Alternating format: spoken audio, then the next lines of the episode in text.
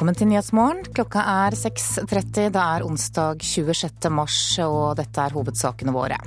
Familien til kvinnen som sitter fengslet i Ecuador er redd for at hun skal dø i fengselet. De som driver med økonomisk kriminalitet kan føle seg trygge. Politiet greier ikke å ta dem, ifølge en rapport. Og norske museer skjuler skatter du sjelden eller aldri får se. Magasinene er fulle av verdifulle gjenstander som kanskje publikum ikke vet at de har. Sier generalsekretær Liv Ramskjær i Museumsforbundet. Velkommen til Nyhetsmorgen med Anne Jetlund Hansen i studio. Vi skal først høre at sønnen til kvinnen som er pågrepet i Ecuador med tre kilo kokain, frykter at moren kommer til å dø i fengselet. Kvinnen har flere alvorlige sykdommer, og familien ber norske myndigheter om hjelp. Det er vel eh, noen sykdommer som er livstruende, hvis ikke hun får den hjelpa hun må ha. Kvinnen i 50-årene ble pågrepet på flyplassen i Quito i Ecuador med tre kilo kokain i bagasjen. Mamma ble lurt av en mann hun traff på nett, mener sønnen. Han har nettopp kommet hjem til Norge etter å ha truffet moren i fengselet. Hvis hun skal sitte der, hvis hun får en dom på ti år, så tror jeg det blir nærmest som en dødsdom for mamma. Nei, hun hadde det ikke noe greit. Det var veldig dårlige forhold uhygienisk. Det var ikke varmt vann, det var ikke dusj der. Men er hun en, en narkotikasmugler? Nei, det er hun ikke. Alle har vært borti noe med narkotika, og alle, aldri, har gjort noe kriminelt. Og det verste hun har, som har skjedd, hun er i parkeringsbot, og den tror jeg hun har dårlig samvittighet for ennå. Men, men nå vil jeg si, hva naiv går det an å være å sende ned kanskje flere hundre tusen kroner, og så ta med deg en koffert som man ikke kjenner innholdet i? Nei, jeg tror, at, jeg tror nok det at når du har hatt et forhold med en mann over så lang tid over eh, internett, så tror jeg mange kunne stolt på han og trodd at dette var ekte kjærlighet, og blitt så blind som hun har blitt, at det tror jeg kan Det tror jeg ikke det er bare min mor det kan skje med, jeg tror det kan skje med veldig mange. Kvinnen har fått oppnevnt en offentlig forsvarer i Ecuador. En rettssak er foreløpig ikke berammet. Hjemme i Norge jobber advokat Nils Anders Grønnås med saken. Og det er familien selv som må betale for dette, men pengene tar snart slutt. De har søkt om offentlig støtte, men fått avslag, forteller sønnen. Det var et veldig stort slag i, i maven, akkurat det, for vi har jo ikke noe utømmelige kilder. Vi har brukt veldig mye penger allerede på denne saken her. Så akkurat nå så har vi ikke noe, noe løsning på det. Hva tenkte du når dere fikk avslag, når du fikk beskjed om det? Nei, ble, Først så ble jeg veldig sint, jeg ble forbanna. Og så ble jeg veldig lei meg etterpå. Jeg følte kanskje at jeg bidrar like mye som alle andre i samfunnet. Jeg går på jobb og betaler den skatten jeg skal betale. Og den ene gangen jeg trengte hjelp, så følte jeg at jeg var Jeg følte meg veldig dårlig behandla når jeg ikke fikk det, i den, spesielt i den situasjonen vi sitter i. Hva er grunnen til at du velger å fortelle denne historien nå? Det er på grunn av at hvis det er ei eller annen dame som sitter nå foran dataen i samme situasjon, at dette blir en oppvekker på at eh, hun kanskje skal tenke seg om to ganger før hun sender ned penger. Og hvis jeg bare kan, jeg bare kan forhindre én person i å komme i den situasjonen vi har kommet i, så har det absolutt vært verdt det. Reporter var Lars Eie. Ukraina samler nå støtte i FNs hovedforsamling til en resolusjon som tar avstand fra folkeavstemningen som førte til at Krim erklærte uavhengighet. Et utkast til resolusjonstekst sirkulerer nå blant FNs 193 medlemsland. Og teksten erklærer folkeavstemningen på Krim for ugyldig. Russland nevnes ikke i resolusjonsteksten, som trolig vil komme til avstemning i morgen. Politiet greier ikke å avsløre de store pengene som tjenes på kriminell virksomhet. Det er konklusjonen i en intern rapport Politidirektoratet har bestilt. I jakten på hvitvaskingsforbrytelser slipper nemlig økonomisk kriminalitet helt unna. Hvitvasking handler om å få pengene som er tjent på kriminell virksomhet inn i den lovlige økonomien uten at noen merker det. Rapporten som er laget av en ledende svensk ekspert tar for seg alle helleri- og hvitvaskingssaker som er etterforsket i Oslo politidistrikt i 2012. Blant over 1200 saker er det ikke en eneste sak som omhandler økonomisk kriminalitet, som skattelovbrudd eller konkurser. I stedet konsentrerer norsk politi og påtalemakt seg om småtyver og narkokriminalitet, heter det.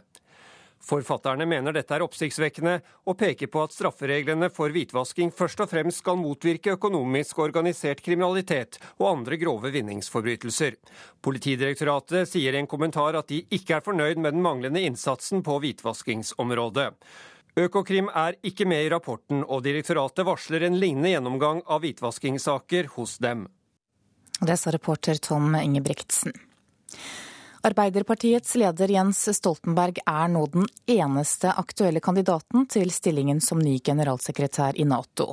Det er klart etter at Italias tidligere utenriksminister Franco Frattini ikke lenger er aktuell, ifølge Dagens Næringsliv, som viser til flere kilder med kjennskap til prosessen i Nato. Avisen skriver at Nato-ambassadørene skal møtes på fredag for å bli enige om at Stoltenberg blir ny generalsekretær. Men trolig blir det ingen offisiell kunngjøring orientering før utenriksministrene samles i Brussel neste tirsdag og onsdag, ifølge avisen. Og Klimautsending for FN Jens Stoltenberg er mer opptatt av bomber enn miljø. Det mener stortingsrepresentant for De grønne Rasmus Hansson. Dersom Stoltenberg blir Nato-generalsekretær, så må han si fra seg sitt verv som klimautsending for FN. Hvis han eh, velger Nato foran klima, så velger han bomber foran det han tidligere sa var det viktigste i verden. Eh, og det er, eh, hadde vært mye morsommere om han gjorde det motsatte. Sier stortingsrepresentant for De grønne Rasmus Hansson. Jens Stoltenberg kan ikke være både FNs klimautsending og generalsekretær i forsvarsalliansen Nato. Det gjenstår uh, å se om jeg tar feil, men alt tyder jo på at han nå går til Nato og ut av den uh, FN-klimajobben han nettopp har sagt ja til. Det vil i så fall bety at en god sjanse til en svært viktig markering av at klimaet er viktigst, eh, har gått fra oss. Men Nina Jensen er uenig med sin forgjenger i WWF, og mener klimasaken vil bli viktig også i Nato. Fordi eh, klimaendringer er eh, den største utfordringen vi står overfor, og det er også verdens største globale sikkerhetsutfordring. Derfor så ville det være helt fabelaktig hvis vi nå fikk en ny toppsjef i Nato som også har klima høyt på agendaen. Og Rasmus Hansson er mer optimistisk på klimaets vegne i Arbeiderpartiet. Han mener nemlig de under ledelse av Stoltenberg har vært mer opptatt av sosialøkonomi enn klimakutt. Og Derfor ligger vi i dag langt etter det beskjedne klimaskjemaet Norge har. Men nå har Arbeiderpartiet en historisk rolle til å ta eh, klima- og miljøpolitikken i en annen hånd, eh, og det er det viktigste viktigste framover. Ja, betyr det at du mener at Stoltenberg har ødelagt? Stoltenberg har ført en politikk hvor sosialøkonomi har vært viktigere enn klimatiltak. Reporter var Veronica Westrin. Da skal vi ta en kikk på dagens aviser og se hva de har på forsidene sine i dag. Aftenposten forteller at håndverksfirmaer som er dømt, siktet eller mistenkt for økonomisk kriminalitet, har pusset opp Forsvarsdepartementet og en rekke andre offentlige bygninger. Tidligere LO-leder Gerd Liv Valla sier til Klassekampen i dag at Trond Giske må inn i partitoppen i Arbeiderpartiet, enten som nestleder eller partisekretær. Mens Dagsavisen slår fast at det er klart for kamp om posisjoner i partiet. Overskriften er 'Maktkampen Støre vinner'. Dagens Næringsliv forteller at Troms fylke har brukt over fem millioner kroner på å granske granskingen av Troms Kraft. Den opprinnelige granskingen av en rekke forhold i kraftselskapet koster over 30 millioner kroner, men høsten 2012 leide fylkesrådet inn et advokatfirma til å granske granskningen, fordi de selv manglet ekspertise. Og partiet Rødt er kritisk til pengebruken. Russland flytter 3000 soldater til grensen mot Finland, det skriver Vårt Land. Krisen på Krimhalvøya gjør at også flere finner nå vil ha landet inn i Nato. Palmeolje i norsk fôr er bøndenes problem, det mener Tine. Det har kommet kraftige reaksjoner fra forbrukere på at fettsyrer fra palmeolje brukes for å få opp fettprosenten i melka til norske kyr. Men Tine sier til Nasjonen at selskapet ikke vil be sine bønder om å kutte ut palmeolje i fôret. Stavanger Aftenblad skriver at Per Inge Torkelsen lopper pensjonister. På fredag har han premiere på sitt nye show, og pensjonister må betale nesten dobbelt så mye som andre for å få se forestillingen. Torkelsen sier at det er alenemødre og innvandrere som fortjener rabatter, ikke rike pensjonister. Dagbladet forteller at diabetes svekker hjernen, mens VG har tips til deg som har kjærlighetssorg. Overskriften er 'Slik kommer du raskest over bruddet'.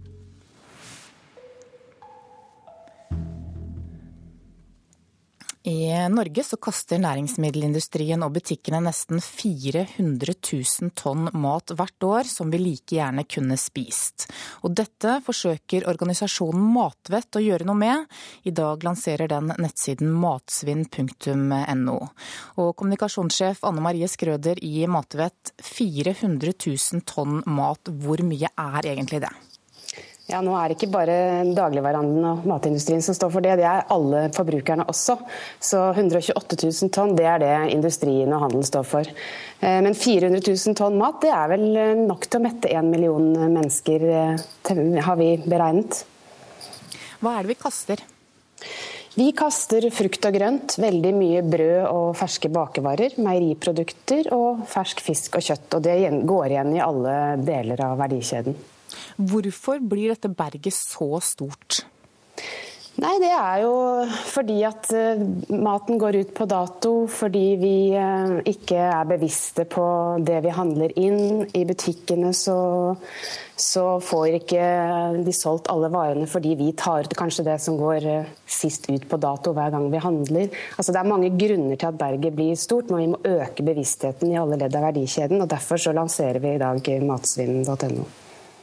Ja, for Butikkene kaster jo f.eks. 850 tonn ferske egg hvert år som er fullt spiselige fordi EU har bestemt at egg ikke holder seg mer enn 28 dager. Er det noe vi f.eks. kan gjøre noe med?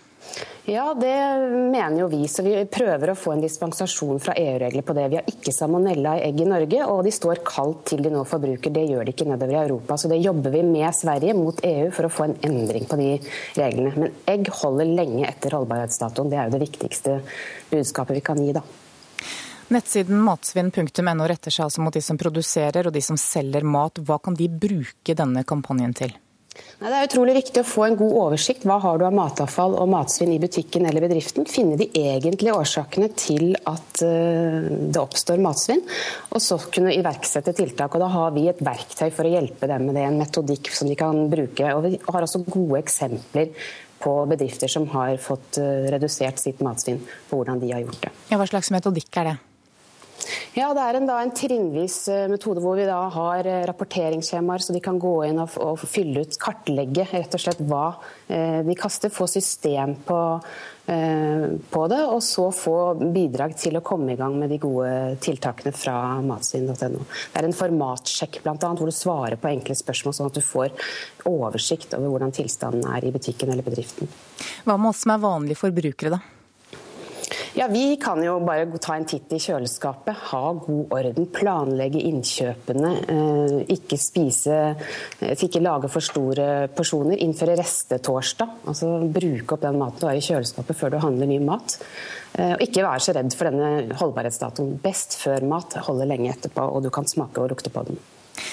Men vi har jo hørt dette mange ganger. Hvorfor, hvorfor er det sånn fortsatt? da? Hvorfor er vi så flinke til å kaste mat, for å si det sånn? Ja, nei, Vi har eh, dårlig tid, vi har eh, god råd, vi eh, er ubevisste. Men vi ser jo at ved å gjentatte ganger komme med det samme budskapet, så har vi økt bevisstheten hos folk. Og det vi også har fått til, er jo at nå er jo nesten alle kjøttprodukter og alle meieriprodukter merket med best før. Så det gjør det lettere å kommunisere det budskapet om at det er en garantidato, og ikke en dato som betyr at maten er dårlig. Kommunikasjonssjef Anne Marie Skrøder i Matveit, takk for at du var med her i Nyhetsmorgen. Nå har klokka nemlig blitt 6.45. Dette er hovedsaker denne halvtimen. Sønnen til kvinnen som er pågrepet i Ecuador med tre kilo kokain, frykter at moren kommer til å dø i fengselet. SV advarer sine tidligere regjeringspartnere mot å støtte den blå regjeringens forslag om å forby tigging. Og CD-ens død er betydelig overdrevet. I fjor så ble det solgt CD-plater for 46 milliarder kroner på verdensbasis.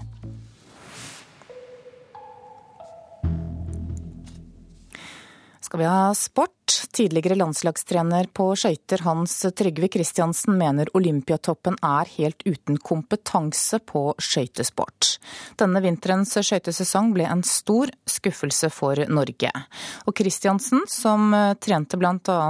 Johan Olav Koss under OL-suksessen på Lillehammer, sier at han savner faglig dyktighet. Olympiatoppen har jo kompetanse på noe, men ikke på skøyter. Altså, de er ikke i nærheten av å ha noe kompetanse på skøyter. Og dette handler ikke bare om høydetrening. Altså, det handler om å gå riktig på skøyter, kunne langdistanse osv. De norske skøyteløperne har ikke levert etter målsetningene denne sesongen. Lyspunktet ble Håvard Bøkkos tredjeplass i EM og Sverre Lunde Pedersens annenplass på 5000 i verdenscupen i Insel. I OL endte det uten pallplasseringer. Roger Gjelsvik, som er hovedtrener på utholdenhet og fagansvarlig for skøytene i Olympiatoppen, mener spisskompetansen hos de ikke er viktig. Det vil være helt feil hvis jeg var skøyteeksperten her, for skøyteeksperten skal selvfølgelig sitte i Skøyteforbundet. Olympiatoppen har en stor kompetanse på det som har med trening og utvikling av eh, resultatgrupper. Den spesifikke kompetansen på skøyter den må nødvendigvis ligge i Skøyteforbundet. Altså, det starter jo alltid på toppen, da. Og vi har jo noe, noe som heter Olympiatoppen, som, som er en overordna organisasjon som skal lede an norsk toppidrett. Så det er ganske mange som må få i gang eh, prosessen der. Kristiansen mener det er mye som er galt. Altså Vi mangler en strategi, en retning. Vi har en visjon som jeg lurer på om gjelder. Altså Vi skal være blant de beste skøytenasjonene. Da er vi nummer åtte, uten at vi gjør noe grep. Nå er Hans Trygve Kristiansen klar til å bidra. Ikke som trener, direkte landslagstrener, er ikke jeg aktuell. Men jeg kan bidra på min måte. Vi må få i gang noe igjen, for eh, ellers så blir det kort om sport, altså. Reporter var Andreas Toft. SVs Audun Lysbakken advarer sine tidligere regjeringspartnere mot å støtte den blå regjeringens forslag om å forby tigging. Verken Senterpartiet eller Arbeiderpartiet avviser regjeringens forslag om å la det være opp til kommunene selv å bestemme om de vil innføre et forbud. Tigging. Et vanlig syn på gaten i norske byer. Nå foreslår regjeringen å la det være opp til kommunene selv å bestemme om dette skal være lov eller ikke. Men KrF og Venstre vil ikke støtte forslaget. Vi har definitivt ikke tenkt å gjøre det. Nå advarer SVs Audun Lysbakken sine gamle samarbeidspartnere mot å støtte regjeringen. Min sterke oppfordring til Arbeiderpartiet og Senterpartiet nå er å holde på den rød-grønne linjen, satse på sosiale tiltak istedenfor forbud, og ikke gjøre Erna en tjeneste i denne saken. Men verken Senterpartiet eller Arbeiderpartiet har bestemt seg om de vil støtte regjeringsforslaget ennå. Vi er i hvert fall åpne for å regulere tigging, for det har vi gjort eh, tidligere. Men vi skal vurdere om forslaget for regjeringen har den rette innretningen og har den beste effekten. Dermed står det fremdeles åpent om den blå regjeringen får støtte for forslaget. I så fall blir det fra et rødt eller grønt parti.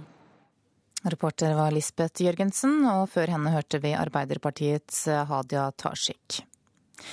Israel har gått med på å betale millionerstatning til ofrene for angrepet på det tyrkiske skipet Mavi Marmara i internasjonalt farvann i mai 2010.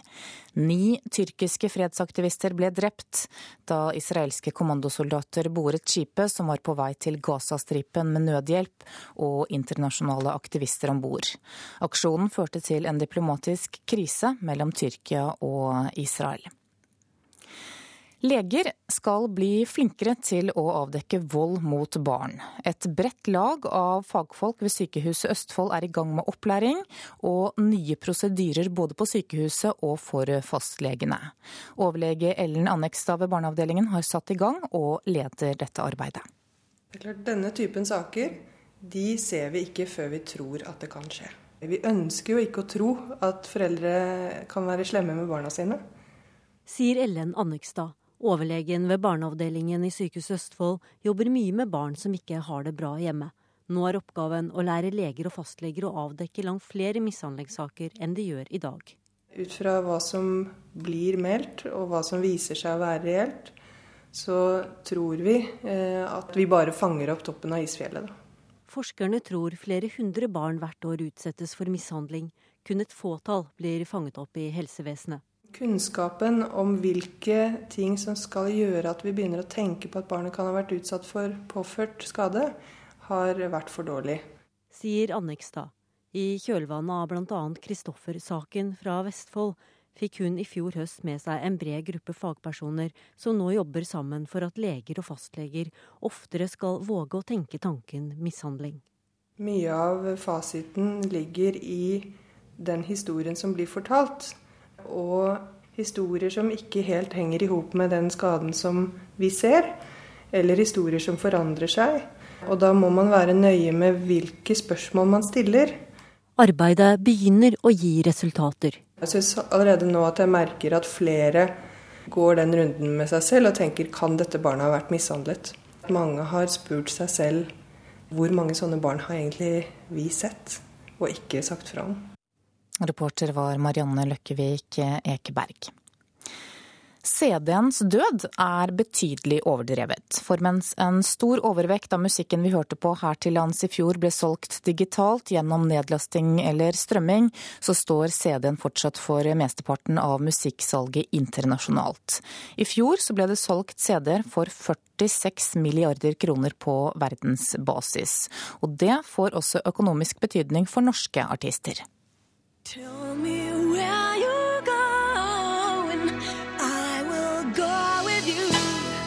Jeg ønsker å lage en reise for lytterne mine.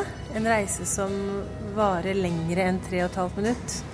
Eh, en reise som varer en hel CD, dvs. Si 40-50 minutter. Silje Nergård er ifølge plateselskapet hennes en av de norske artistene som fortsatt selger mye CD-er i utlandet. Jeg har alltid vært opptatt av det visuelle, vært opptatt av platecover. Eh, første platecoveret mitt skrev jeg jo hver tekst eh, for hånd. Rundt 20% av musikken som ble solgt i Norge i 2013, ble solgt gjennom CD-er. Resten av musikken ble solgt digitalt, via nedlasting eller strømming. Men globalt, hovedsakelig utenfor Skandinavias grenser, er situasjonen en helt annen, viser nye tall fra plateselskapsorganisasjonen IFPI. På verdensbasis står fortsatt CD-salget for 60% av musikkmarkedet. Nesten tre ganger mer enn i Norge. Store musikkmarkeder som Tyskland og Japan trekker opp CD-bruken. I Tyskland står CD-en fortsatt for hele 77% av markedet.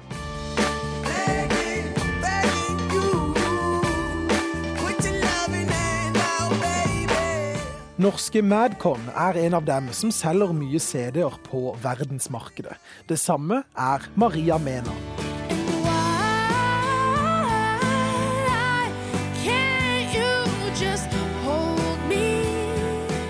Men hvorfor er strømming og nedlasting så stort akkurat i Skandinavia, mens CD-en fortsatt dominerer i resten av verden? Jeg tror det er flere grunner til det. Vi er eh, relativt små markeder. Vi eh, er eh, gode på teknologi. Vi har gått på en måte utbredt altså bredbåndspenetrasjon der nesten alle har smarttelefoner etc. Også i tillegg til at de største tjenestene, både Spotify og Vimp, er jo skandinaviske tjenester. Sier direktør i IFPI, Marte Thorsby.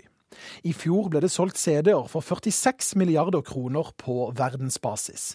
Men for Leif Ribe, markedssjef i plateselskapet Sony Music, er ikke formatet så viktig. Vi er opptatt av å markedsføre artistene, og at de gjør suksess i ulike land. Men for noen artister har fortsatt formatet en betydning, også rent økonomisk. Eh, selvfølgelig er jo CD det som gir best avkastning. Innrømmer Nergård. Eh, altså, alle vet jo at Spotify er bare en slags vits da, for oss som er opphavsmenn. Altså, vi tjener jo ingenting på det. Det sa Marte Thorsby til reporter Christian Ingebretsen. Norske museer skjuler skatter som publikum sjelden eller aldri får se. Det sier direktør Gaute Jacobsen på Maihaugen i Lillehammer. Han skal snart stille ut en av sine mest verdifulle gjenstander, nemlig verdens eldste revolver. Her har vi magasin én det første magasinet vi kommer til. Den ligger vanligvis trygt bak flere låste og kodede dører i en koffert Agent 007 verdig. Ja, den, dette er en tilpassa koffert. Men nå skal verdens eldste registrerte revolver fra 1597 hentes fram og stilles ut. Den skal stå trygt i et monter og med alarm, og, så jeg tror ikke det skal bli noe problem. Gjennom denne korridoren Nettopp i slike avlåste museumsmagasin rundt om i Norge ligger det mange skatter som publikum sjelden eller aldri får se, mener direktøren på Maihaugen, Gaute Jacobsen. Ja, jeg tror det. Kanskje man mangler litt økonomi og, og muligheter for å stille ut, men jeg tror museene må bli flinke til akkurat det ta de frem fra magasin og vise dem? Ja, et godt stykke på vei så kan jeg være enig i det. Altså, mange av museene sitter med store skatter som de ikke får vist frem hele tida. Så magasinene er fulle av verdifulle gjenstander som kanskje publikum ikke vet at de har. Sier generalsekretær i Norges museumsforbund, Liv Ramskjær. Nå skal vi ned i magasin A, som det heter. Og her eh, vil jeg anta at det ligger kanskje rundt en, eh, en 40 000 gjenstander. Siste museumsstatistikk viser at norske museer har 20 millioner gjenstander i samlingene sine. Hylle på hylle. Hylle på hylle. Under halvparten av dem er tilfredsstillende registrert. Ramskjær tror derfor at det kan ligge skatter i norske samlinger som ingen vet om. Ja, det kan godt hende at det fins klenodier eh, som de ikke vet om. Jeg har jo selv jobbet i museum og opplevd at vi har åpnet kasser som ikke har vært åpnet på mange tiår, kanskje 50 år, og hvor det da eh, skjuler seg en hel masse gjenstander man ikke trodde eller visste om at man hadde. Da tar jeg på meg de hvite hanskene. Der ligger klenodiet.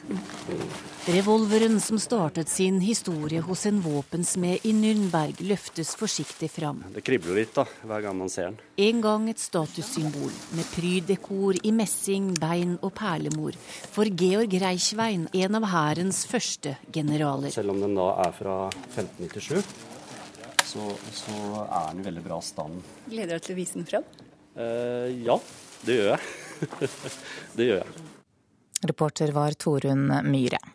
Da skal vi se på et værvarsel som gjelder til midnatt. Fjell i Sør-Norge kan vente seg liten storm utsatte steder i Langfjella. Minkende kveld. Litt snø i østlige områder sør for Finse, ellers oppholdsvær og mye pent vær nord for Finse. Østafjells nordøstlig frisk bris utsatte steder. På kysten stiv kuling, sterk kuling i Agder. Mot kvelden minkende. Litt sludd eller regn ca. fra Hamar og sørover. Snø i høyden, i nord stort sett pent vær. Rogaland sterk kuling utsatte steder. I ettermiddag minkende. Kan hende noe spredt regn, men for det meste opphold. Hordaland og Sogn og Fjordane bris omkring øst. Stiv kuling utsatte steder. I kveld frisk bris og stort sett pent vær. Møre og Romsdal og Trøndelag frisk bris utsatte steder og pent vær. Nordland. På Helgeland er det ventet sørlig frisk bris og pent vær. Nord for Helgeland sørvestlig kuling. Midt på dagen sterk kuling i Vesterålen. Fra i ettermiddag regn og snø over 500 meter. Troms vindøkning fra sørvest. Fra i formiddag sterk kuling, senere vestlig. Oppholdsvær fra i ettermiddag regn og snø over 200 meter.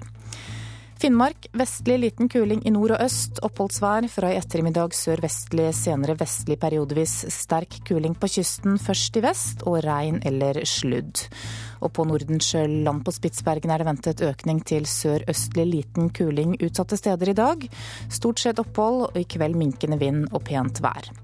Så tar vi med noen temperaturer som ble målt klokka fire. Da hadde Svalbard lufthavn minus 15 grader, Kirkenes minus 6, Vardø minus 2, Alta minus 7, Tromsø 0, Bodø 1, Brønnøysund 3, Trondheim minus 3, Molde minus 2, Bergen minus 1, Stavanger 5, Kristiansand og Gardermoen 2, Lillehammer minus 2, Røros minus 17 og Oslo-Blindern 4 grader.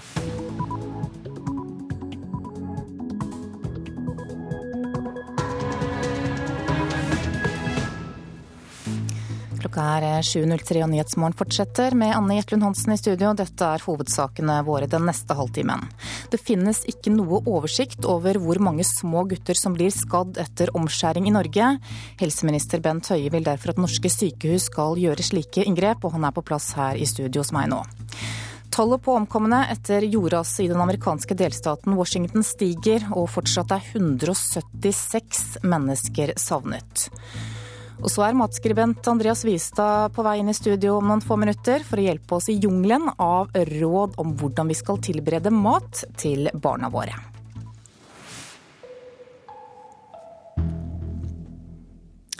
Det finnes altså ingen landsomfattende oversikt over hvor mange guttebarn som blir skadet etter rituell omskjæring. Men Barnelegeforeningen antar at rundt 100 gutter får komplikasjoner hvert år.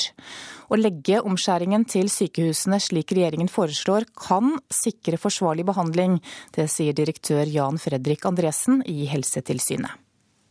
Og det vil også gi større muligheter for å også følge eventuelle komplikasjoner etter denne type behandling, dersom det samles på sykehus. Mange jøder og muslimer får i dag fjerna forhud på guttebarna sine. Hvert år blir om lag 2000 gutter rituelt omskjært i Norge. Men hvor det blir gjort og hva skader som oppstår, finnes det ingen samla oversikt over. Barnelegeforeninga antar at hvert år får rundt 100 guttebarn komplikasjoner. Det er problematisk dersom denne type inngrep eh, blir gjort på steder som man verken har kompetanse, tilstrekkelig utstyr, eller er, eh, har tilstrekkelig vekt på de hygieniske aspektene ved å gjøre denne type inngrep. Så sånn sett er det en, en utfordring at denne type behandling skjer under ulike eh, forhold, og der hvor måte, forsvarligheten ikke er tilstrekkelig ivaretatt sier Andresen i Helsetilsynet. Kristian Hagestad, som er fylkeslege i Vest-Agder, sier at mange utenlandske omskjærere kommer til Norge. Vi har jo ikke noen oversikt over det, så det er bare tilfeldig informasjon vi får. Men, eh, men den tilfeldige informasjonen tyder på at dette er ikke noe helt lite omfang. Han har flere dømmer på det, bl.a. ei hending våren 2009. Da fikk vi noen henvendelser om at det var hørt skrik fra en bakgård i Kristiansand. Og det viste seg at uh, der foregikk det omskjæring av guttebarn av en uh, person som var eh, hentet opp fra Danmark. Helse- og omsorgsminister Bent Høie vil ha tryggere forhold, og foreslår, som de rød-grønne gjorde, å tilby rituell omskjæring for nyfødte gutter på sykehusene. Men forslaget møter sterk motstand, bl.a. fra barnekirurger. Vårt hovedsyn på den saken det er at rituell omskjæring det er et eh, kirurgisk inngrep eh, uten helsegevinst. Og det bør derfor absolutt ikke ikke være en oppgave innenfor det offentlige helsevesenet. Har Morten Wigen, leder av Norsk barnekirurgisk forening, sagt tidligere. I dag møter de og Barnelegeforeninga Helsedepartementet for å gi klar beskjed om at omskjæring ikke hører hjemme på offentlige sykehus. Reportere her var Eirin Årdal, Eline Buvarp Årdal og Kristine Svendsen. Helseminister Bent Høie, velkommen. Takk for det. Du vil altså at dette skal være en offentlig oppgave. Hvordan skal du få legene med deg på det?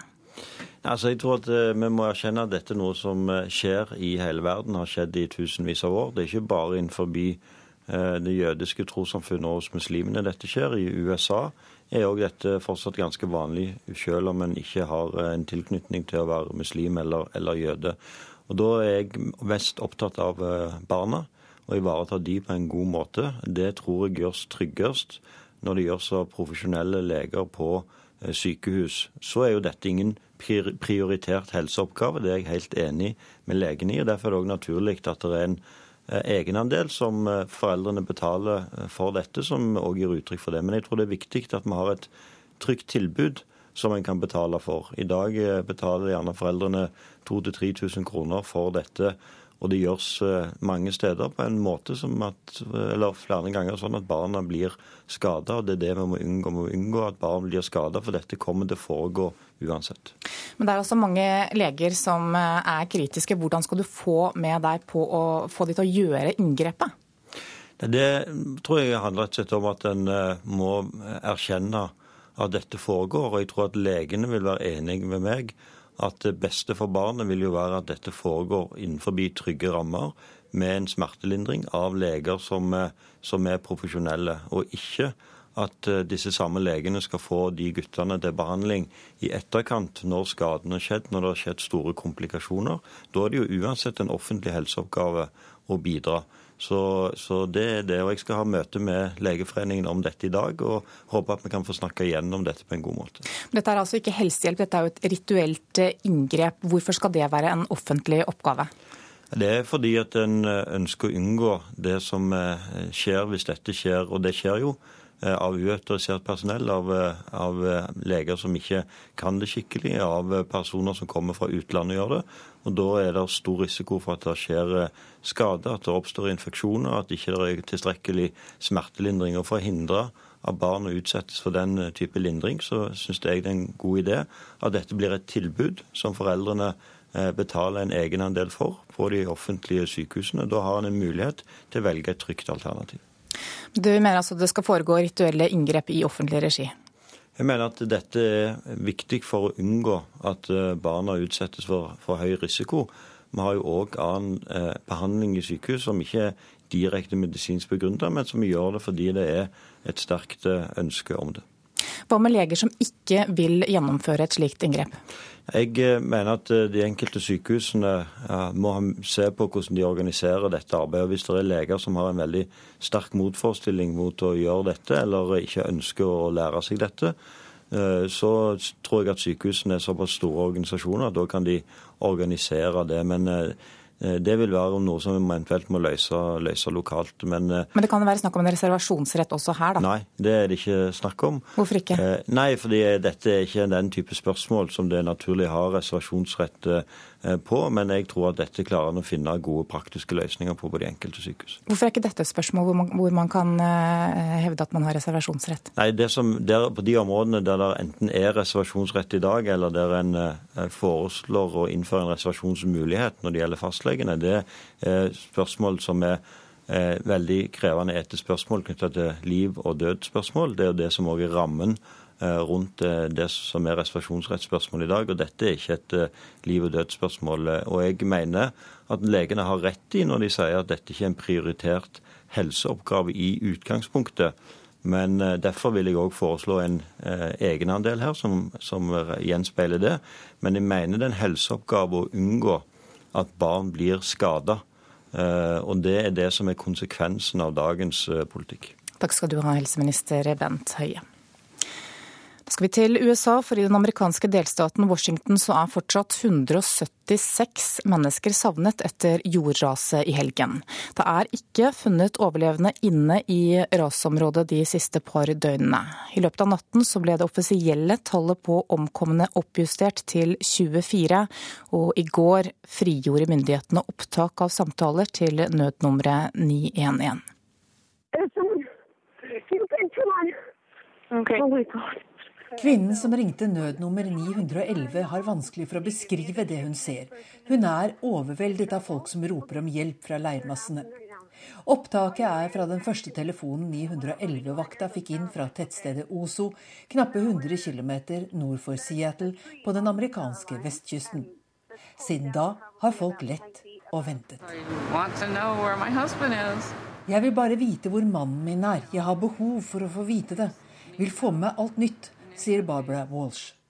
Men det redningsmannskapene kan si, gir ikke mye grunn til håp. Uh, jeg rapporterte i går om at vi ikke fant noe tegn til liv, og det er med sorg jeg må rapportere det samme i dag, sa fylkesbrannsjef Travis Hotz på en pressekonferanse i går. Likevel, på spørsmål om operasjonen nå bare er en leteoperasjon eller også en mulig redningsoperasjon, svarer direktøren for kriseoperasjoner slik. Vi gjør begge deler, men skal vi være ærlige, det har gått noen dager. Og det at vi har et team med gravferdsspesialister til å hjelpe oss, taler for seg selv, sier krisesjef John Pennington. Letearbeidet har vært usedvanlig vanskelig. Flere steder har det vært umulig for mannskap å ta seg fram pga. kvikksandlignende leire. Strømførende ledninger ligger på kryss og tvers, filtret inn i trær og rester av hus.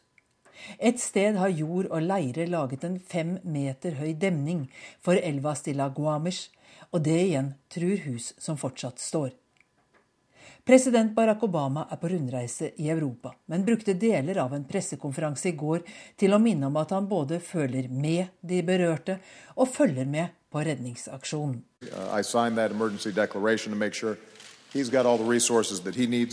Jeg har undertegnet en erklæring om unntakstilstand som skal sikre at guvernøren har de ressursene han trenger, og både administrasjonen og hæren gjør det de kan for å bistå i arbeidet, sa Obama i Haag. Og mens letingen etter de savnede fortsetter, tenker mange som krisesjef Pennington mirakler kan skje. I believe in miracles and I believe people can survive these, these events. They've done it before, they can do it again. Og reporter eh, var eh, vår korrespondent eh, Gro Holm. I går kveld så reiste USAs president Barack Obama fra atomsikkerhetskonferansen i Haag videre til toppmøter i EU og Nato i Brussel som starter i dag. Det er første gang den amerikanske presidenten besøker EU-institusjonene. Brussels ordfører Ivan Maier sier til avisa The Guardian at sikkerhetstiltakene rundt den amerikanske presidenten gjør at dagens toppmøte koster 20 ganger mer enn et vanlig EU-toppmøte. Og korrespondent Åse Marit Befring, du er på plass i Brussel. Hvordan merkes Obamas besøk? Ja, I dag har folk blitt advart mot å reise inn til deler av byen. Eh, både motorveier og et stort område rundt dette EU-kvartalet der eh, møtene skal foregå, er stengt. Og også flere T-baner er innstilt i perioder av dagen. Eh, I tillegg til presidentens 200 Secret Service-vakter, så er det flere hundre politifolk på plass. 350 motorsyklende politi skal følge presidentens kortesje. og han skal jo da bevege seg fra Brussel og nordover eh, i dag eh, samtidig. og også Derfor så er veldig mange veier som er stengt. Ja, hva står på programmet for Obama i dag? Ja, den amerikanske presidenten han starter dagen ved å besøke en amerikansk gravplass fra første verdenskrig. Eh, dette er, det er jo i år 100 år siden første verdenskrig eh, startet. Eh, og så blir det et toppmøte med arbeidslunsj sammen med EU-kommisjonens president José Manuel Barroso og EU-president van Rompuy her i Brussel. Og det som da står på programmet, det er denne frihandelsavtalen. Helt siden i juli i fjor så har EU og USA jobbet for å bli et stort frihandelsområde. Og selv om det er et godt stykke igjen, så er det ventet at de tre lederne vil bli enige om at alle tollmurer skal fjernes. På dette toppmøtet i Haag så var jo atomsikkerhet tema, men likevel så handlet mange spørsmål om konflikten mellom Ukraina og Russland. Er det ventet at det også vil være et stort tema på møtene i Nato og EU i dag? Ja, Ukraina-krisen kommer til å bli diskutert både i møte med EU-toppene, men ikke minst når Obama da skal møte Anders Fogh Rasmussen også i dag. Hvor dette møtet skal være, det er ennå ikke annonsert, men det kommer ikke til å være oppe på Natos hovedkvarter. Men det er helt klart at i samtale mellom dem, så er det Ukraina og reaksjonene mot Russland som blir temaet. Takk skal du ha, korrespondent Åse Marit Befring. I Nigeria ble fem politimenn drept da en selvmordsbomber sprengte seg i lufta nordøst i landet. En bil med sprengstoff ble kjørt rett inn i en parkert politibil, og islamistgruppen Boko Haram mistenkes for å stå bak.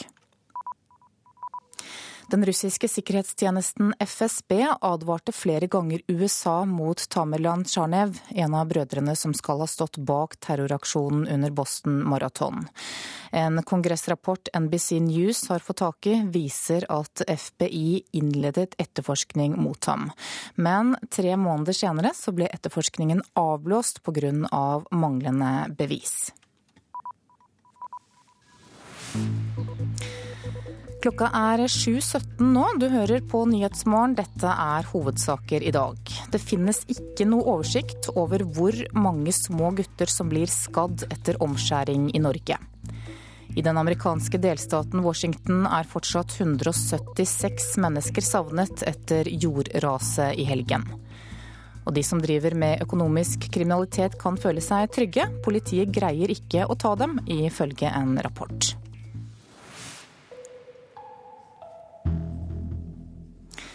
Da skal det handle om kosthold, for barn må ikke lære seg å bruke smør til å steke fisk. Det mener helsemyndighetene.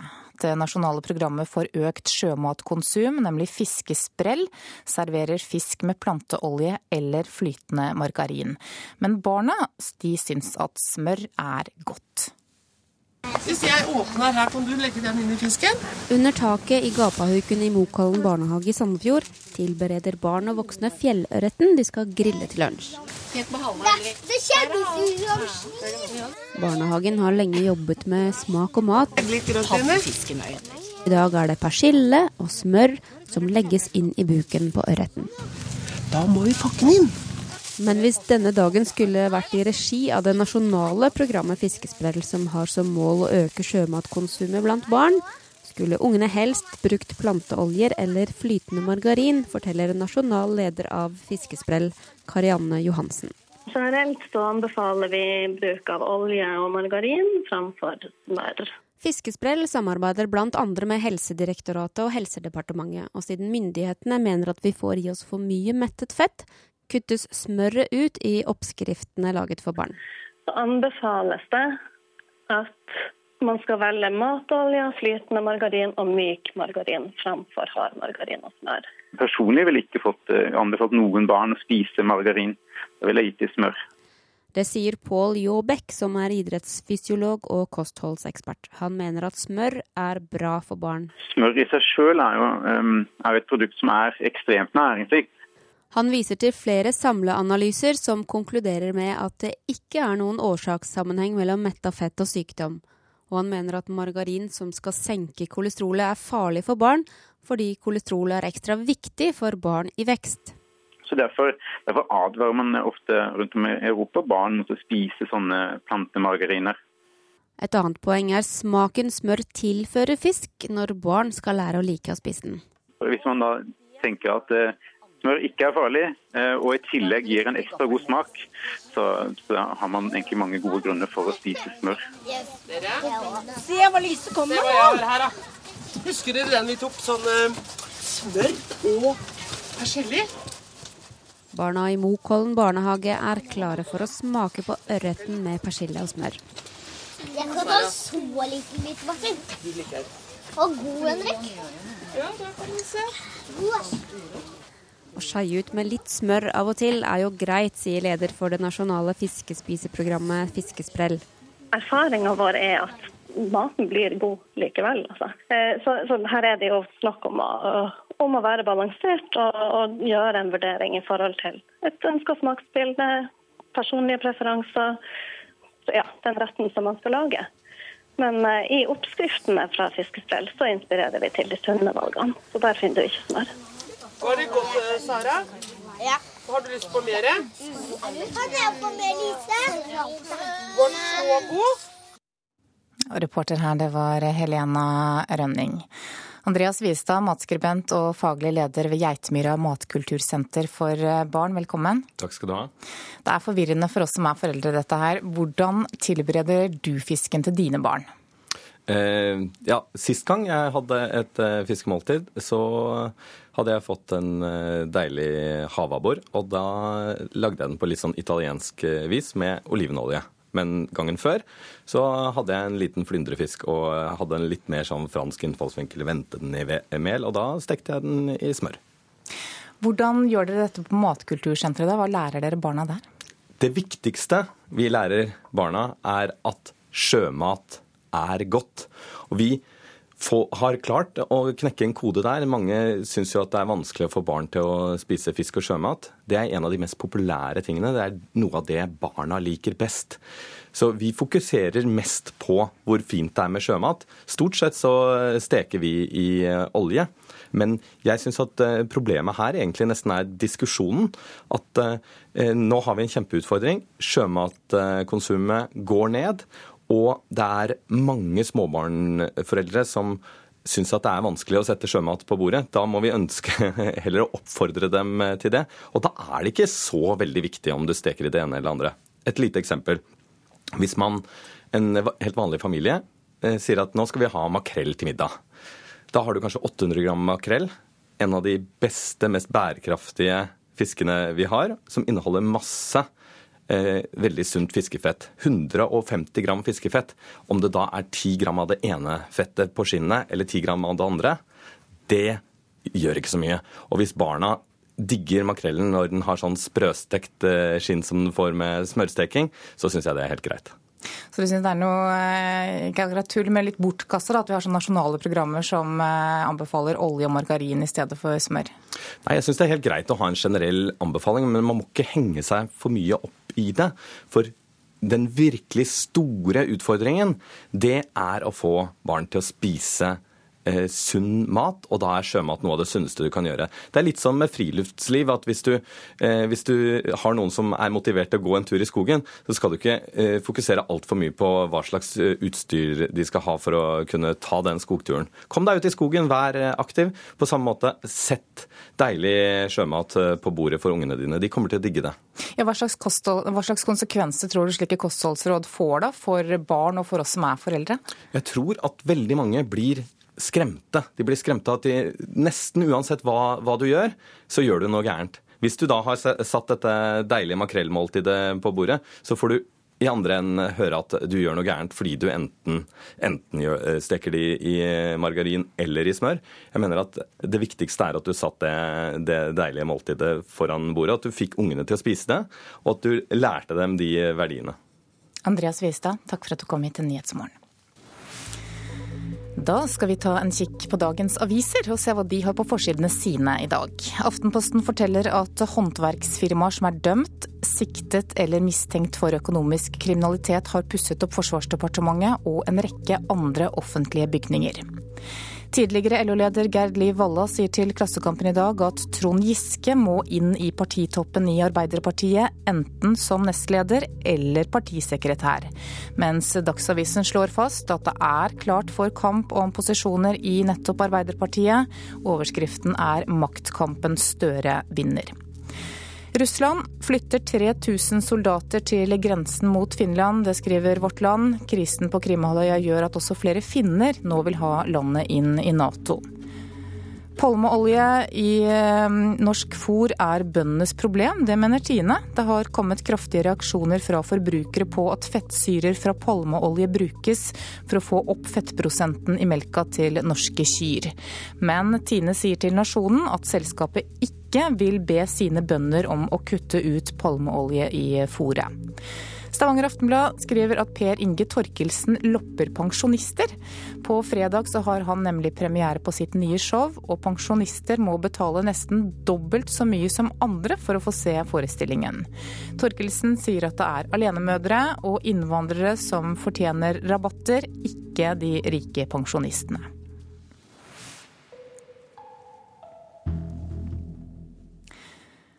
Psykiatrisk avdeling ved Stavanger universitetssykehus får kritikk av pårørende. Søsteren til en av pasientene som er tvangsinnlagt der, mener at manglende kontroll ved avdelingen kan koste søsteren livet. Jeg fikk melding av henne at eh, nå orker jeg ikke mer. Jeg, denne gangen så klarer jeg det ikke. Hva tenker du da? Da sitter jeg hvert minutt og er redd for at nå får jeg telefonen at nå har hun gjort seg noe. Mobiltelefonen er alltid i nærheten. Hittil i år har hun fått tre spesielt urovekkende telefoner fra personalet på psykiatrisk avdeling ved Stavanger universitetssykehus. Hun har prøvd å ta livet sitt tre ganger, og hun har stukket av oppi ti-elleve ganger. Ja, nei, altså, hun, hun, stikker hele veien og kommer seg ut. Og hver gang hun kommer seg ut, så vil hun prøve å ta livet sitt. For et par uker siden måtte hun haste av gårde til Stavanger. Søsteren var klar til å ta livet sitt. Det var politiet som ringte. Men neste gang kan det være for seint. Jeg frykter for en telefon at hun har tatt livet av seg. Fordi at det ikke er godt nok sikkerhet. Søsteren har slitt med depresjon og selvmordstanker i flere år, men det har aldri vært så ille som nå, ifølge Stavanger-kvinnen. Hun mener psykiatrisk avdeling ved Stavanger universitetssykehus, hvor søsteren for tida er tvangsinnlagt, ikke passer godt nok på henne. Ja, nei, de sier at hun er trygg nå der inne. Hvordan kan jeg vite det? Jeg vet jo absolutt ingenting. Jeg får bare telefon hvis hun tar livet sitt, eller hvis hun skader seg sjøl, eller stikker av. Det skal egentlig ikke glippe, men det, I denne saken har det jo tydeligvis skjedd. da. Det sier Målfrid Fram Jensen, erfaringskonsulent ved psykiatrisk divisjon i Stavanger. Det er klart Når mennesker jobber med mennesker, så vil det skje feil, og det kan skje feil. At det skjer med personer som står i fare for å ta sitt eget liv, syns jeg er sterkt beklagelig. Sjefslege ved psykiatrisk divisjon Kjetil Hustoft erkjenner at det ikke alltid er de som kjenner pasienten aller best, som er på jobb, men understreker at folk som vet det viktigste om pasienten, alltid er på plass. Og så har vi en utfordring når vi driver 24 eh, timer i døgnet. Altså Alle er jo òg kjent med at det er vanskelig å få nok kvalifisert personell. Og vi er jo kjent med òg at det der er eh, ekstravakter, og det er folk som jobber der uten helserelatert utdanning.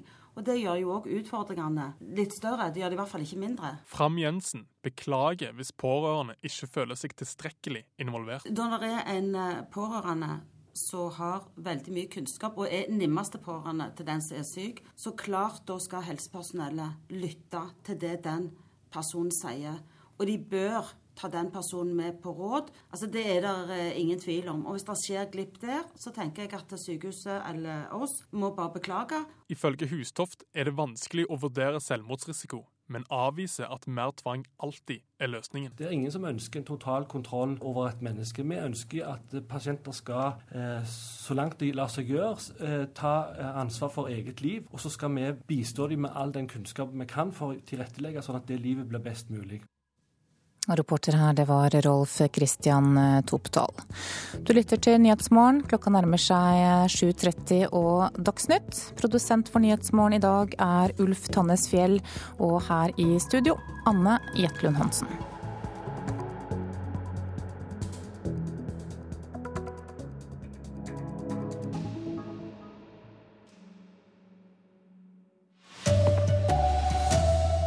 Å skjære bort forhuden til små guttebarn bør skje på sykehus, mener Helsetilsynet.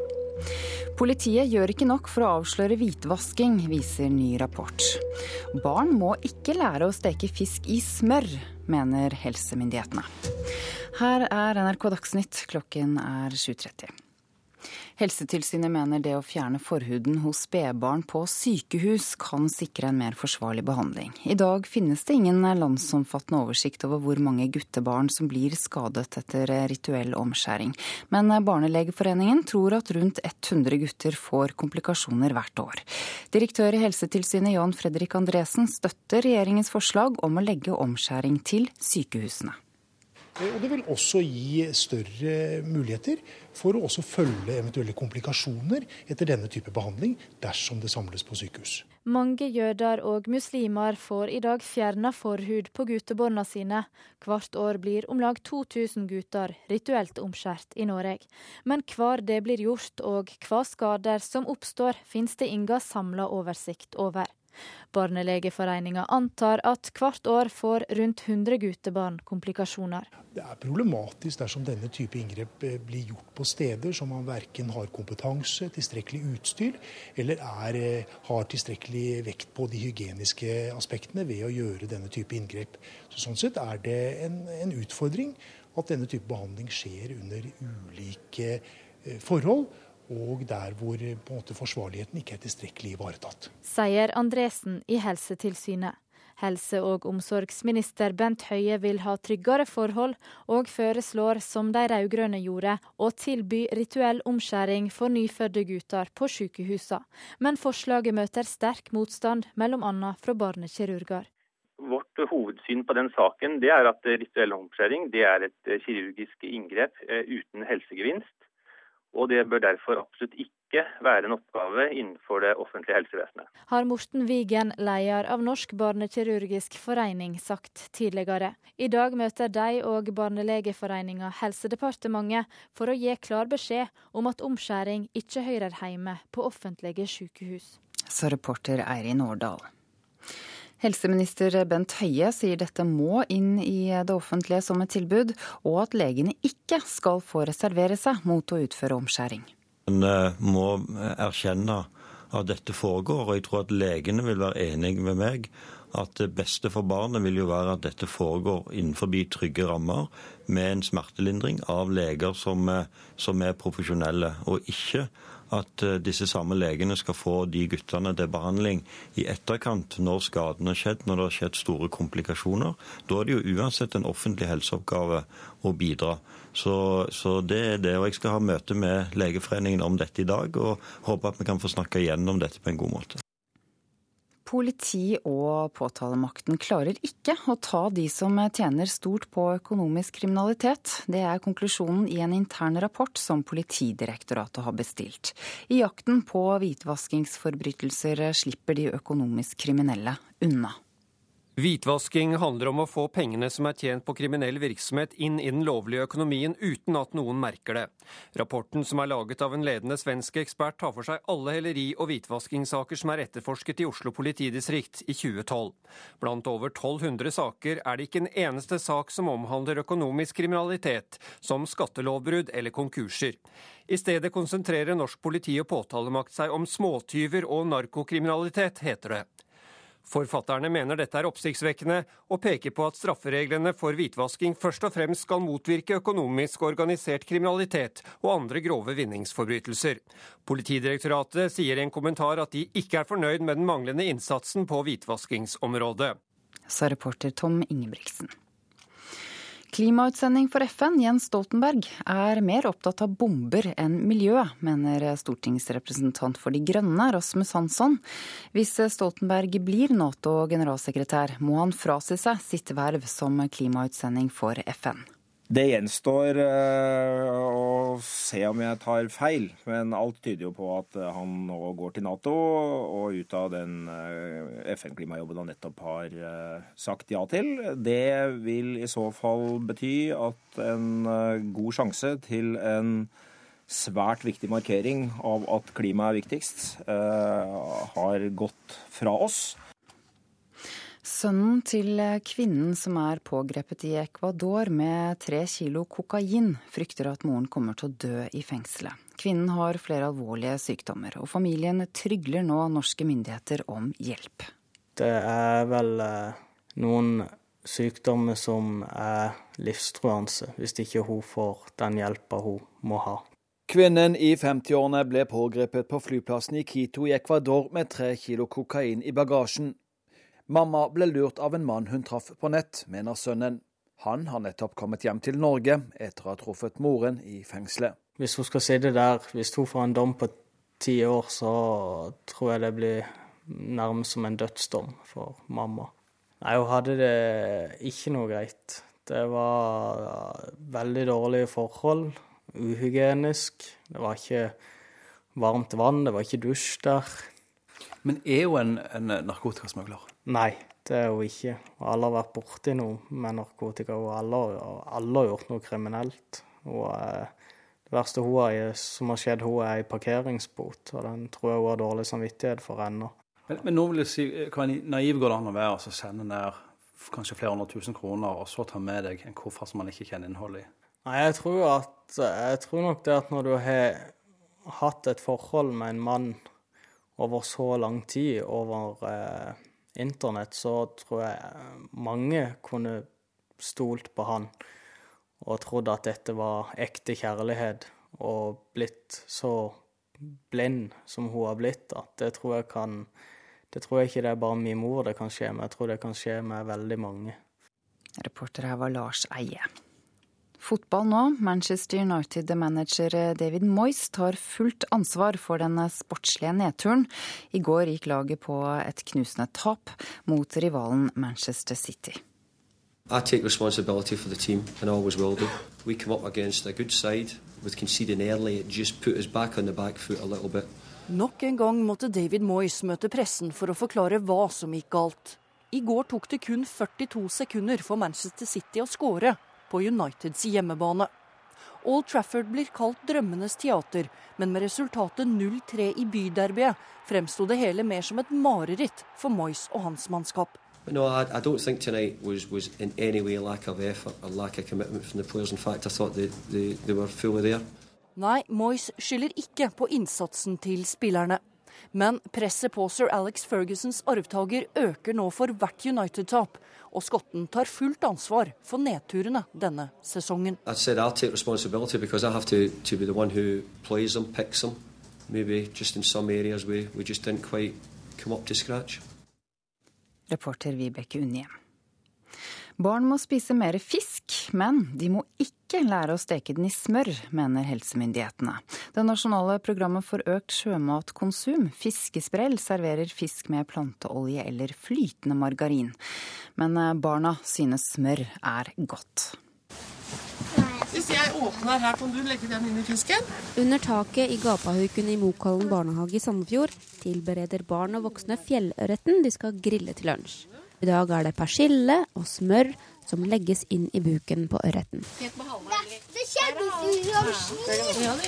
Men hvis denne dagen skulle vært i regi av det nasjonale programmet Fiskesprell, som har som mål å øke sjømatkonsumet blant barn, skulle ungene helst brukt planteoljer eller flytende margarin, forteller nasjonal leder av Fiskesprell, Karianne Johansen. I oppskriftene fra Fiskesprell så inspirerer vi til de sunne valgene. Så der finner du ikke smør. Fiskesprell samarbeider bl.a. med Helsedirektoratet og Helsedepartementet, og siden myndighetene mener at vi får i oss for mye mettet fett, kuttes smøret ut i oppskriftene laget for barn. Så anbefales det at man skal velge matolje, flytende margarin og myk margarin framfor hard margarin og smør. Personlig ville jeg ikke fått uh, anbefalt noen barn å spise margarin. Da ville jeg gitt dem smør. Det sier Pål Jåbekk, som er idrettsfysiolog og kostholdsekspert. Han mener at margarin som skal senke kolesterolet er farlig for barn, fordi kolesterolet er ekstra viktig for barn i vekst. Så Derfor, derfor advarer man ofte rundt om i Europa barn mot å spise sånne plantemargariner. Var det godt, eh, Sara? Ja. Har du lyst på mer? Kan jeg få mer lise? Var den så god? Reporter Helena Rønning. Ansvarlig for denne sendingen er Sven Gullvåg, Hans Ole Hummelvold og Ida Creed.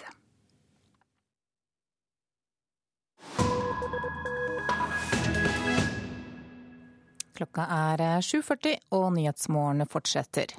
Natos øverstkommanderende for de militære styrkene i Europa frykter at Russland kan komme til å annektere mer land.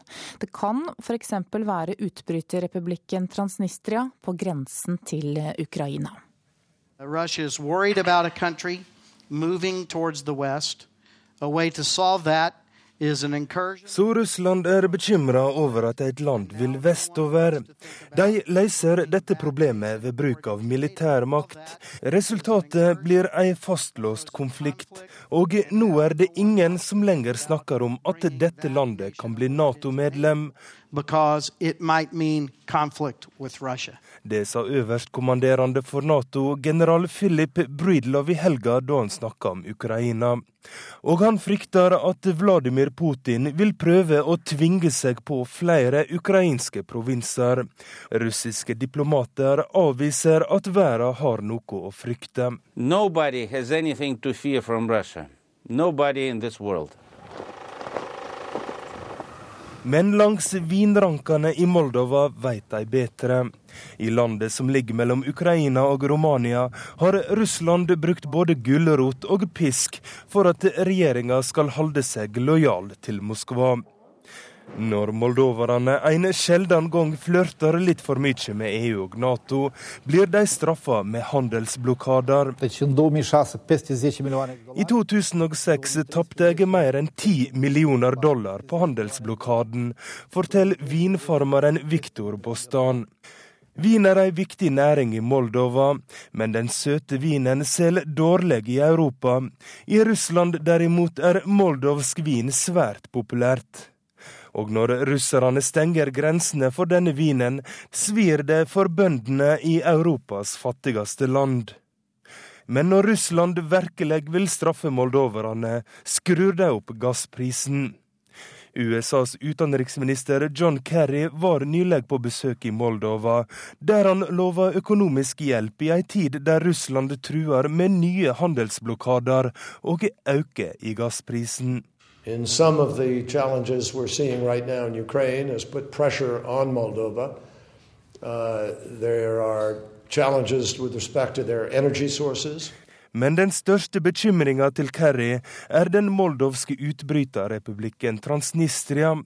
Her står det såkalte russiske fredsbevarende styrker, og Transnistria gjorde nylig som Krim. De søkte om å få bli medlem i den russiske føderasjonen. Moldova, from the very first day of its uh, independence, has a secessionist uh, movement on its territory, and we know exactly what separatism means. Vi vet godt hva separatisme er, sa Moldovas statsminister til Kerry.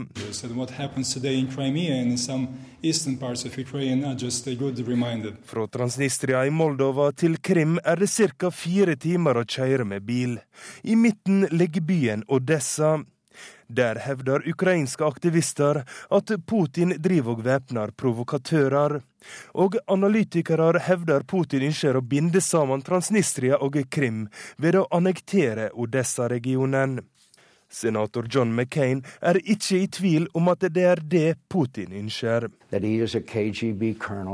who said the greatest disaster of the 20th century was the breakup of the Soviet Union, and he wants to restore uh, that uh, Russian empire. And I think he is calculating how much he can get away with, just as Adolf Hitler calculated how much he could get away with back in the 1930s. Ja, reporter her, det var Roger Severin Bruland. Klokka er 7.44. Straks blir det Politisk kvarter, hvor bl.a. partisekretær Raymond Johansen i Arbeiderpartiet er på plass. Men aller først så minner jeg om hovedsakene våre. Ingen vet hvor mange guttebarn som blir skadd etter rituell omskjæring her i landet. Men Barnelegeforeningen antar at rundt 100 gutter får komplikasjoner hvert år.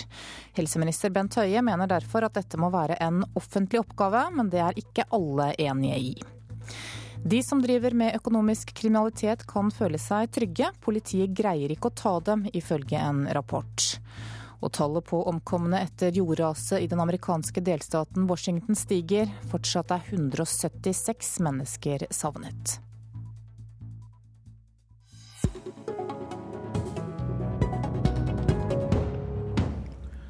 Arbeiderpartiet må drive kampanje hver dag hvis vi skal vinne valget, sier partisekretæren som ikke vet hvem som er sjefen i neste uke. Og hvorfor skal lederne belønnes med høye bonuser i tillegg til millioner i lønn? Debatt mellom Høyre og LO om noen minutter. Dette er Politisk kvarter med Per Arne Bjerke, som sier god morgen og velkommen til sekretær i Arbeiderpartiet, Raimond Johansen. Takk for det. Hvordan er det å styre en stor organisasjon når du ikke vet om lederen sitter i neste uke? Vi har en uh en ledelse, et sentralstyre, som er valgt av Arbeiderpartiets eh, landsmøte i 2013, som eh, er valgt til å sitte fram til 2015. og det er veldig greit å forholde seg til det. Og eh, Vi registrerer jo og får med oss at det er mye avisskriverier og spekulasjoner, og det er en del av bakteppet. og Sånn er det jo å drive politikk, ikke minst i et stort parti som Arbeiderpartiet, med en fremragende leder som mange ganger har vært spekulert til i ulike posisjoner. Nå er det kanskje litt mer i spekulasjonen enn tidligere. og Hvor viktig er det å få en rask avklaring på hva som skjer med Jens Stoltenberg? Jeg tror jeg vi skal ta én tid av gangen og ha respekt for de demokratiske prosessene. Om det så foregår i partiene eller om det foregår internasjonalt, så får vi ta det som det kommer. Vi er nå et uh, veldig uh, samla parti som har brukt anledningen nå til å diskutere strategiene framover mot kommunevalget i 2015 og stortingsvalget i 2017, og har brukt i grunn eh, gårsdagen på det. Ja, for eh, Du forsøkte jo din tale til landsstyret går ettermiddag å stake ut kursen mot valgene i 2015 og 2017. og En av konklusjonene dine er at dere må drive valgkampanje hver dag. Er dette en erkjennelse av at dere ikke gjorde en god nok eh, jobb foran stortingsvalget i fjor høst? Altså, Vi tapte jo valget. Eh, vi hadde sittet åtte år i regjering. Eh, men vi vant, vant, ikke valget, og målsettingen var jo å levere en valgseier for alle de hundretusener som stemte på, på Arbeiderpartiet. Så utgangspunktet er at vi tapte valget med eh, klar margin. På tross av at Norge gikk og går veldig bra, at det var skapt over 350 000 nye arbeidsplasser. Og Det vi så ved valget forrige gang, var bl.a. at nesten godt over 65% hadde bestemt seg lenge før valgkampen startet. Så valget ble jo ikke avgjort gjennom valgkampen. Det som skjedde under valgkampen, var at vi gikk fram 3% og Høyre tilbake 4 Men det betyr at vi må være der ute hele tida ellers. Ja, og Dere tapte altså. Kan årsaken være at dere var blitt litt for selvtilfredse etter åtte år i regjering og var for opptatt av å forsvare det bestående istedenfor å komme med nye reformer, slik jo Arbeiderpartiet tidligere har gjort? Ja, Det er jo eh, åpenbart etter åtte år at vi var også preget av regjeringsslitasje. og Arbeiderpartiet er et stort parti, og kanskje vi hadde altfor mye med oss, nok med oss sjøl. Og ikke var eh, åpne nok eh, overfor innspill utenifra, og ikke var friske nok. Den erkjennelsen må vi nok ta. og Nå er vi opptatt av å se framover, plukke ut hovedsakene våre, styrke partiorganisasjonen våre, vår, være ute mot det norske samfunn og invitere inn til å utforme politikk. Innebærer denne erkjennelsen du snakker om også at dere kanskje nå innser at dere åtte år i regjering kan gjøre enhver litt arrogant? Ja, Det skal man ikke, ikke, se bort fra. Hvis jeg sier at nei, vi er ikke arrogante, så tror jeg det hjelper mye. Ja, vi har fått mye tilbakemelding at vi blir oppfatta som arrogante. Og Min oppgave er jo å finne Arbeiderpartiets på sitt aller beste. Og Arbeiderpartiets på sitt aller beste er når vi utvikler politikk, inviterer inn folk, er åpne og nysgjerrig, har mangfold og takhøyde i diskusjonene våre og er et spennende politisk verksted som former framtida, kommer med reformforslag, griper fatt i de store framtidssakene som kunnskap, klima, helse. Ja, kan, er det disse sakene dere nå skal kjøre på for å profilere partiet? Det er eh, de viktigste sakene for Norge framover. Og det er der vi må ha gode svar. Vi er stolte av at det ble etablert mange arbeidsplasser under en Arbeiderparti-ledet regjering. Men samtidig så må vi invitere inn næringsliv, gründere, nær kontakt med organisasjoner, fagbevegelsen, for å ha svar på hva vi skal leve av ved siden av olje, gass og fisk. Og eh, store, det store arbeidet har vi starta med nå. Vi har fått nesten 3000 nye medlemmer bare etter valget og eh, inviterer inn mange til å formulere og forme politikken. Hvor vanskelig har det vært å holde partiprofilen blank og skinnende når dere samtidig gjennom åtte år har måttet inngå kompromisser med to andre partier? Arbeiderpartiet har lært veldig mye av å samarbeide med andre partier. Jeg mener at vi har blitt enda bedre. Det å samarbeide med andre, det er jo nøkkelen framover, om det er i regjering eller på annen måte. og eh, Derfor er det jo vi er opptatt av å være for det vi er for, og invitere inn eh, andre partier også til å ha tilslutning om de forslagene vi kommer med. Det må jo være målet med, med politikken. Og respekt for de som stemmer på oss, er jo å få oppslutning om vår politikk. Du snakker om valget i 2017, men er målet da en ny flertallsregjering, eller er det like greit at Arbeiderpartiet kommer tilbake hvis, skulle, hvis det skulle bli flertall for det, i en mindretallsposisjon, slik som jo har vært vanlig i veldig mange år siden 63? Altså, Vi må ha mange venner vi, for å få gjennomslag for vår politikk, og vi vil selvfølgelig invitere og samarbeide når vi nå uh, snakker om uh, kunnskapssamfunnet framover. Vi snakker om hvordan ha et mm. lavutslippssamfunn med klima, og hvordan møte de store helseutfordringene. Så er det jo invitasjon som er Eh, for, eh, som er formuleringen, som er det vi ønsker, å, eh, ønsker å, å, få til for å få gjennomslag. Nå kan altså Arbeiderpartiet komme til å måtte velge ny leder, selv om du ikke vil snakke om det. Hva tenker du om din egen posisjon? Å gjenta det jeg uh, sa i stad. Vi er et godt og samla parti som er uh, som nå går i gang med veldig spennende prosesser. Vi har en, et sentralstyre som er valgt Eh, til å sitte fram til landsmøtet i 2015. Og alt det er godt nok for meg og i min, i min arbeidshverdag. Men er du forberedt på at du kan bli ofret for å få en kabal til å gå opp? Så Jeg er eh, først og fremst opptatt av å få gjennomslag for de store sakene. Det er jo saker som betyr noe for folk, og det er det jeg ønsker å ha fokus på. Takk skal du ha, Raimond Johansen.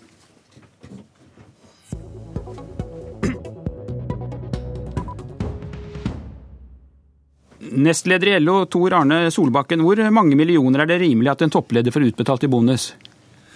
Nei, Det skal ikke jeg ha noe eh, formening om, men eh, vi har i hvert fall for eh, statlige selskaper så er det noen retningslinjer for hvilke rammer styrene skal holde seg innafor. Og så er det jo det enkelte styret som tar, tar, stilling til det.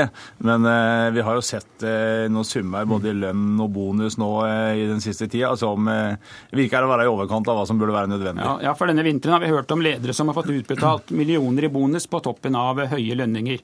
Og I går kunne Dagsrevyen fortelle at Solbakken selv stemte for 650 000 i bonus til direktøren i Sparebank 1-gruppen, der han sitter i styret.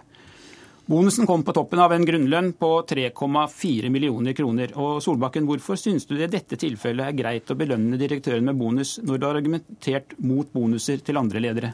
For det første, for det første det er det sånn at eh, Vi har satt i gang en evalueringsprosess også i eh, Sparebank1-gruppen i forhold til om vi skal eh, fortsette å ha disse bonusprogrammene, som i gruppen gjelder for alle ansatte, ikke bare for lederne. Og så er det sånn at Den ramma som styret i Sparebank1-gruppen forholder seg innafor, er halvparten av den ramma som er lagt opp fra statlige selskaper. Vi har altså under tre månedslønner, og i dette tilfellet fikk Kirsten Idbøen to og en halv månedslønn etter de kriteriene som styret hadde trukket opp året i forveien. Så det mm. var en helt ordinær sak. Så over fire millioner i lønn, det er en helt ålreit lønn sett fra LOs side? Ja, det er sånn at eh, Innenfor eh, denne bransjen så eh, er lønnsnivået høyt. Det er bare å erkjenne det. og sparebankeringgruppen Sparebank1-gruppen er også avhengig av å ha en dyktig leder. og Styret har lagt seg på det nivået der. Vi hadde en gjennomgang av lønnsnivået i fjor, og regulering av lønna i år var 3,5% på lik linje med samfunnet for øvrig. Svein Flåtten, nestleder i Stortingets finanskomité og representant for Høyre. Bonusen i Sparebank1-gruppen er jo likevel lav da, i forhold til det som utbetales til lederne i selskaper der staten har eh, store eierandeler, som f.eks. DNB og Statoil. Er ordningen med høye bonuser på toppen av en allerede veldig god lønn noe som bør videreføres, eller bør vi se på reglene?